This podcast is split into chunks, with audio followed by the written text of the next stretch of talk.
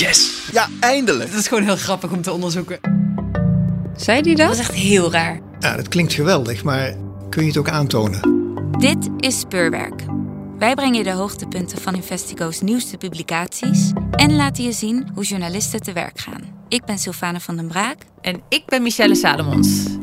Deze aflevering gaat over De energietransitie zonder bullshit. die wereld van Nederland waarin we helemaal klimaatneutraal zijn. Maar hoe kan dat? Welkom bij Speurwerk. Dit is een onderzoek van Investico dat anders is dan andere. Het gaat namelijk over de toekomst. Over het jaar 2050. Dat is het jaar waarin de Nederlandse regering zegt helemaal geen CO2 meer uit willen stoten. Journalisten Felix en Adriaan onderzoeken dat plan. En het lijkt erop dat we de klimaatdoelen niet gaan halen als we op deze voet blijven doorgaan. Maar zij gingen kijken hoe we de klimaatdoelen wel kunnen halen. En ze komen uiteindelijk zelfs met een oplossing. We gaan luisteren naar Adriaan.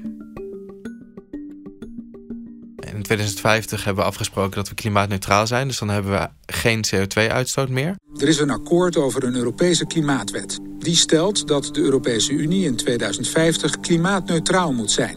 Over negen jaar moet de uitstoot van broeikasgassen al met 55% zijn gedaald. I want Europe to become the first climate neutral continent in the world by 2050. We, we vroegen ons af, kan je alle bedrijven meenemen in een klimaatneutraal Nederland? Dus is het mogelijk om de hele economie in 2050 hier ook nog te hebben? Felix en Adriaan kijken hoe het er nu voor staat met de klimaatdoelen. En dat begint heel optimistisch.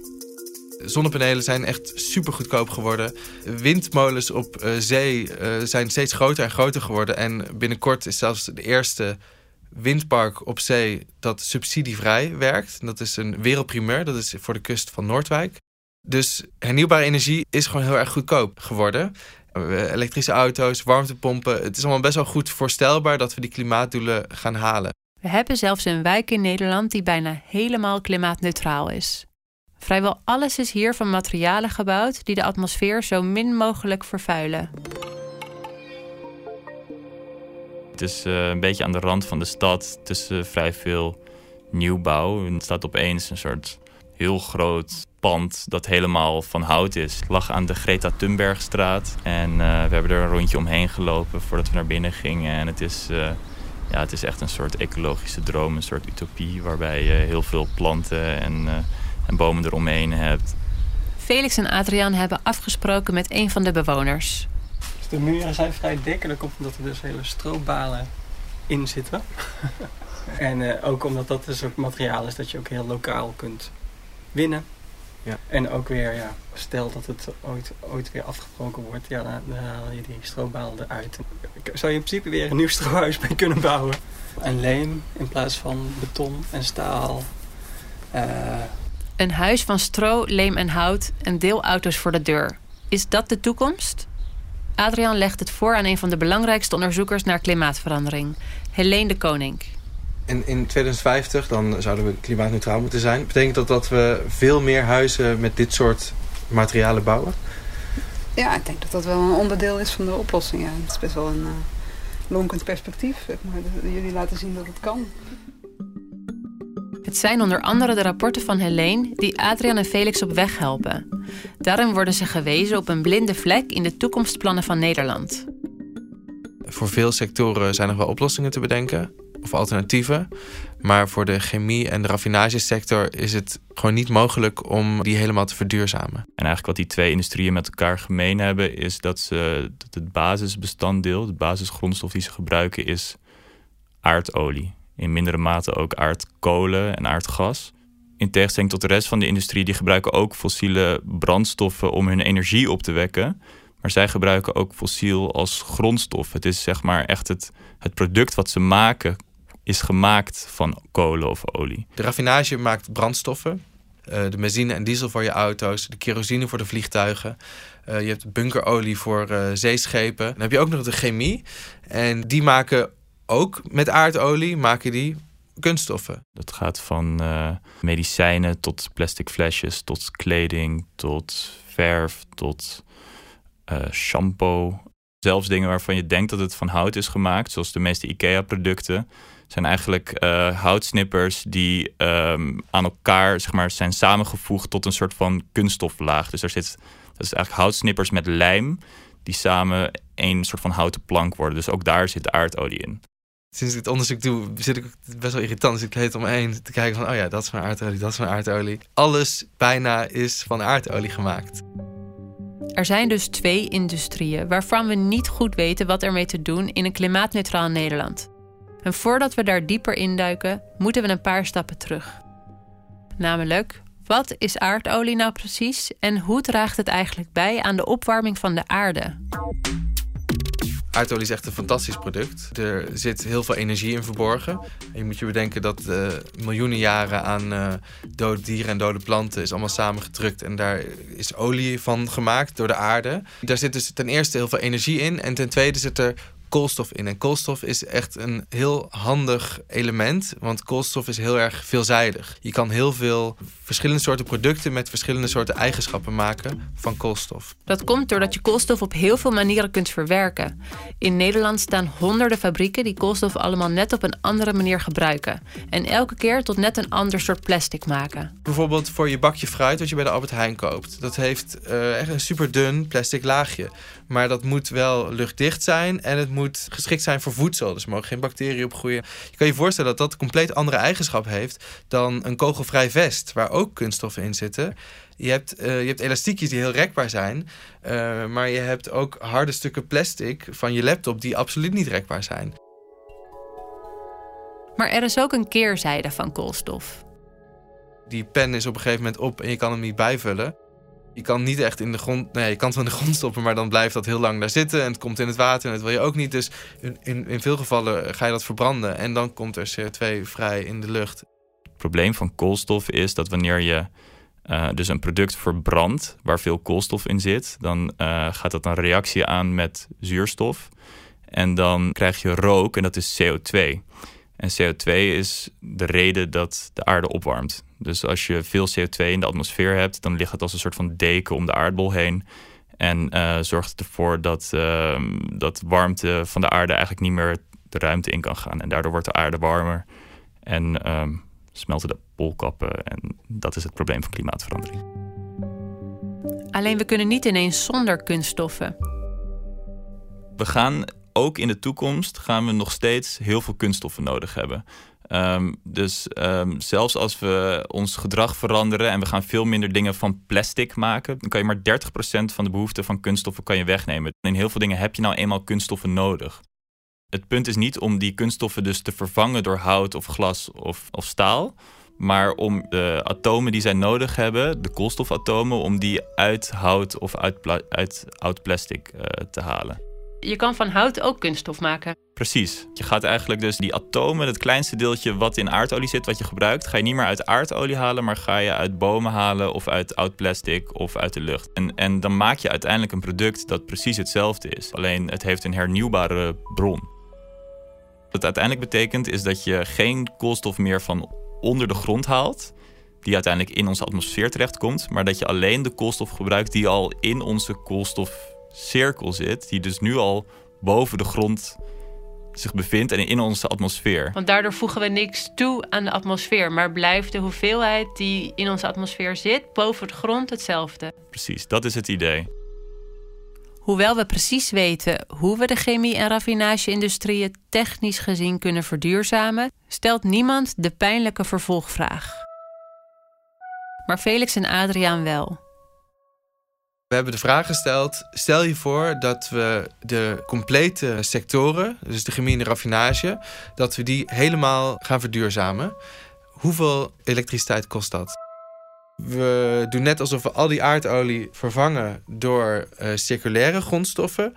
En dan tellen we op hoeveel elektriciteit je nodig hebt om schone materialen te gebruiken. En kwamen uit op een totale elektriciteitsbehoefte van de raffinage en uh, chemie van 350, 350 terawattuur. Dat is zoveel meer dan er beschikbaar is in 2050. Dat is drie keer de huidige totale elektriciteitsbehoefte in Nederland. En we weten inmiddels bijna zeker dat zonne-energie en windenergie de belangrijkste bronnen daarvoor zijn. Die hebben één ding gemeen: het kost heel veel ruimte. Letterlijk. Letterlijk ruimte, fysieke ruimte. En dan gaan we al de hele Noordzee volbouwen. Maar alsnog, Nederland is gewoon best wel klein. De conclusie is dat het niet gaat passen. En heeft niemand eerder deze berekening gemaakt? Het is eigenlijk pas vrij recent dat onderzoeksbureaus en wetenschappers echt uh, naar 2050 zijn gaan kijken. En naar dus die wereld van Nederland waarin we helemaal uh, klimaatneutraal zijn. Zelfs als we allemaal in de ecowijken zoals bij Nijmegen gaan wonen, lost dat het probleem van deze twee industrieën niet op. Als we om ons heen kijken, zou je misschien kunnen opnoemen wat hier allemaal nog van aardolie is gemaakt?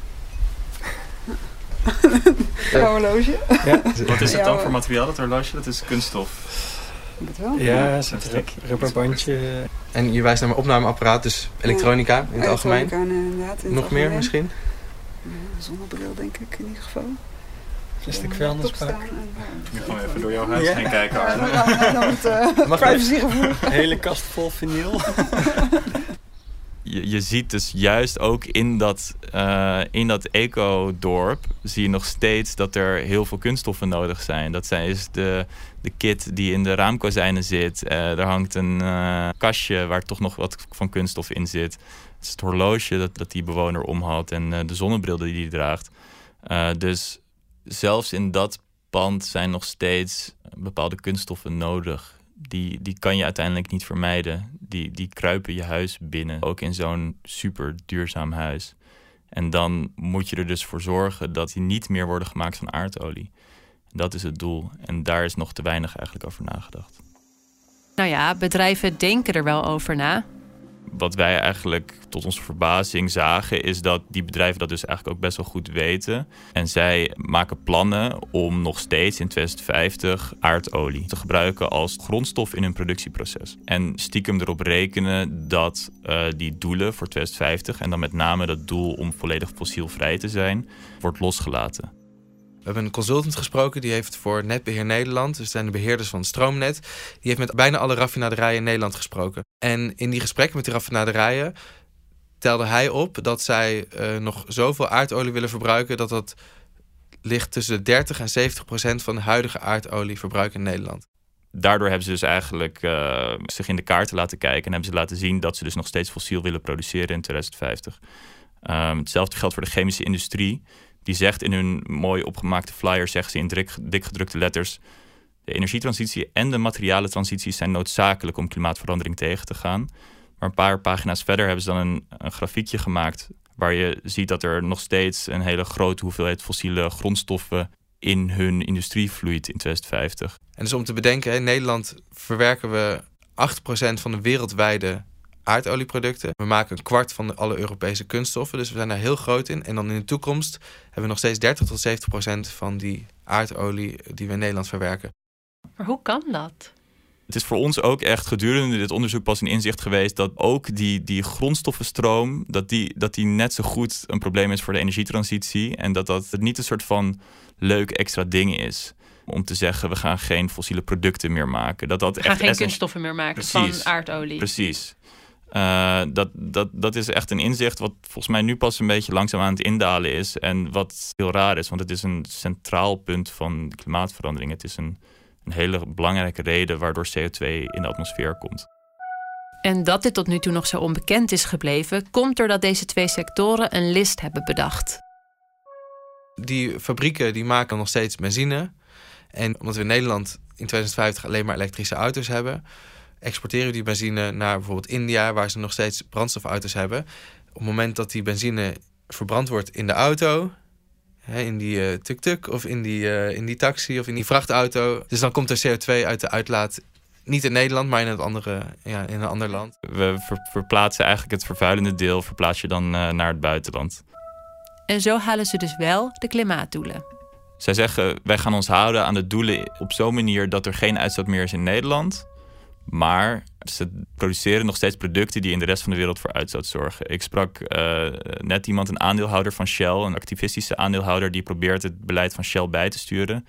En hij zegt eigenlijk: het is uh, als een sigarettenfabrikant die zegt: uh, wij gaan allemaal stoppen met roken, maar we maken wel nog steeds sigaretten. dat is eigenlijk wat Shell en, en alle grote bedrijven in de raffinage en chemische industrie doen of van plan zijn. Maar het zijn toch wereldwijde klimaatdoelen? Klopt, er zijn wereldwijde klimaatdoelen, maar de Nederlandse regering kijkt naar de IPCC-doelen voor Nederland en dat betekent geen uitstoot in Nederland. Het betekent dat we in Nederland op een hele duurzame manier producten maken die voor heel veel klimaatverandering zorgen. Uh, willen we dit als land? Willen we in Nederland nog steeds geld verdienen aan de opwarming van de aarde?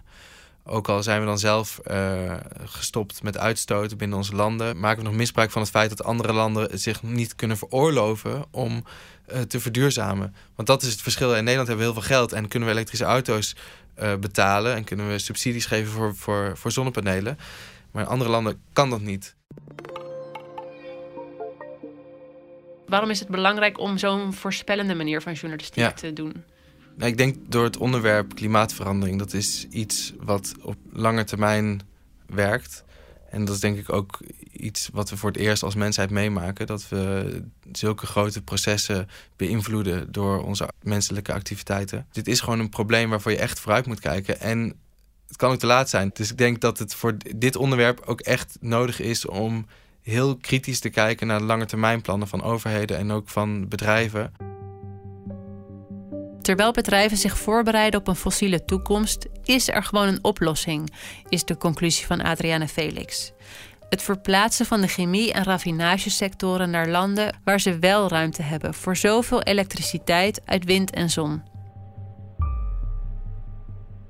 Felix en Adriaan gingen langs bij staatssecretaris Vivianne Heijnen. Zij is verantwoordelijk voor dan met name die materialentransitie. Dan bedoel je dus kunststoffen maken van andere bronnen dan aardolie. Klopt, ja. En ja, ze heeft ons vriendelijk te woord gestaan en heeft echt wel, is heel erg overtuigd van het doel voor 2050, om dan fossielvrij te zijn. Maar um, heeft uiteindelijk ook niet echt een goed beeld van wat de industrie gaat doen, merkten we. Je moet kiezen in Nederland. Je moet of de doelen, de klimaatdoelen loslaten, of je moet de industrie voor een deel tenminste loslaten. En we hebben haar die keuze voorgelegd, de staatssecretaris. En zij zei. Um, ik, ja, uh, eigenlijk allebei niet. Uh, omdat um, uh, ik vind, en dat heb ik ook steeds tegen de Kamer gezegd, ik ga de doelen niet loslaten. Um, en uh, ik heb liever dat we um, met z'n allen keihard aan het proberen zijn om over een hele hoge lat heen te proberen springen. Dan dat ik die lat ga verlagen en we daar met z'n allen heel rustig overheen kunnen stappen. Terwijl jullie zeggen dat kan niet. Nee, en dat zeggen ook de deskundigen aan wie wij onze berekeningen hebben voorgelegd. Dus het is eigenlijk, uh, ja, het is een beetje een soort van oogkleppen op, uh, kop in het zand en, en uh, ja, afwachten. En zolang je afwacht en, en, en niet als beleid, als politiek een duidelijke, realistische lijn uitzet, maken bedrijven hun eigen keuze. En dan zie je dus dat bedrijven zich voorbereiden op een fossiele toekomst, ook in 2050. Het meest schokkende vond ik dat de bedrijven met wie we hebben gesproken in een soort schizofrene positie zitten. Dat ze aan de ene kant zeggen we willen verduurzamen, maar aan de andere kant verzwijgen dat helemaal verduurzamen eigenlijk niet kan in Nederland. Het meest schokkende vond ik dus dat die bedrijven op dit moment dus nog verwachten nog heel veel aardolie in de toekomst te gebruiken. Maar daar willen ze liever niet over hebben. We hebben gebeld met raffinaderijen en die zeggen: nee, wij focussen ons op hernieuwbare brandstoffen. Daar willen ze dat het verhaal over gaat. de realiteit is dus, als we niet opletten, zullen zij zo lang mogelijk doorgaan met het verwerken van aardolie. Want daar zijn ze goed in. Dan gaan we in Nederland de klimaatdoelen wel halen, maar het maakt niet uit waar die CO2-uitstoot plaatsvindt voor klimaatverandering. Of dat nou in India of in Nederland is. Op die manier blijven we bijdragen aan de opwarming van de aarde.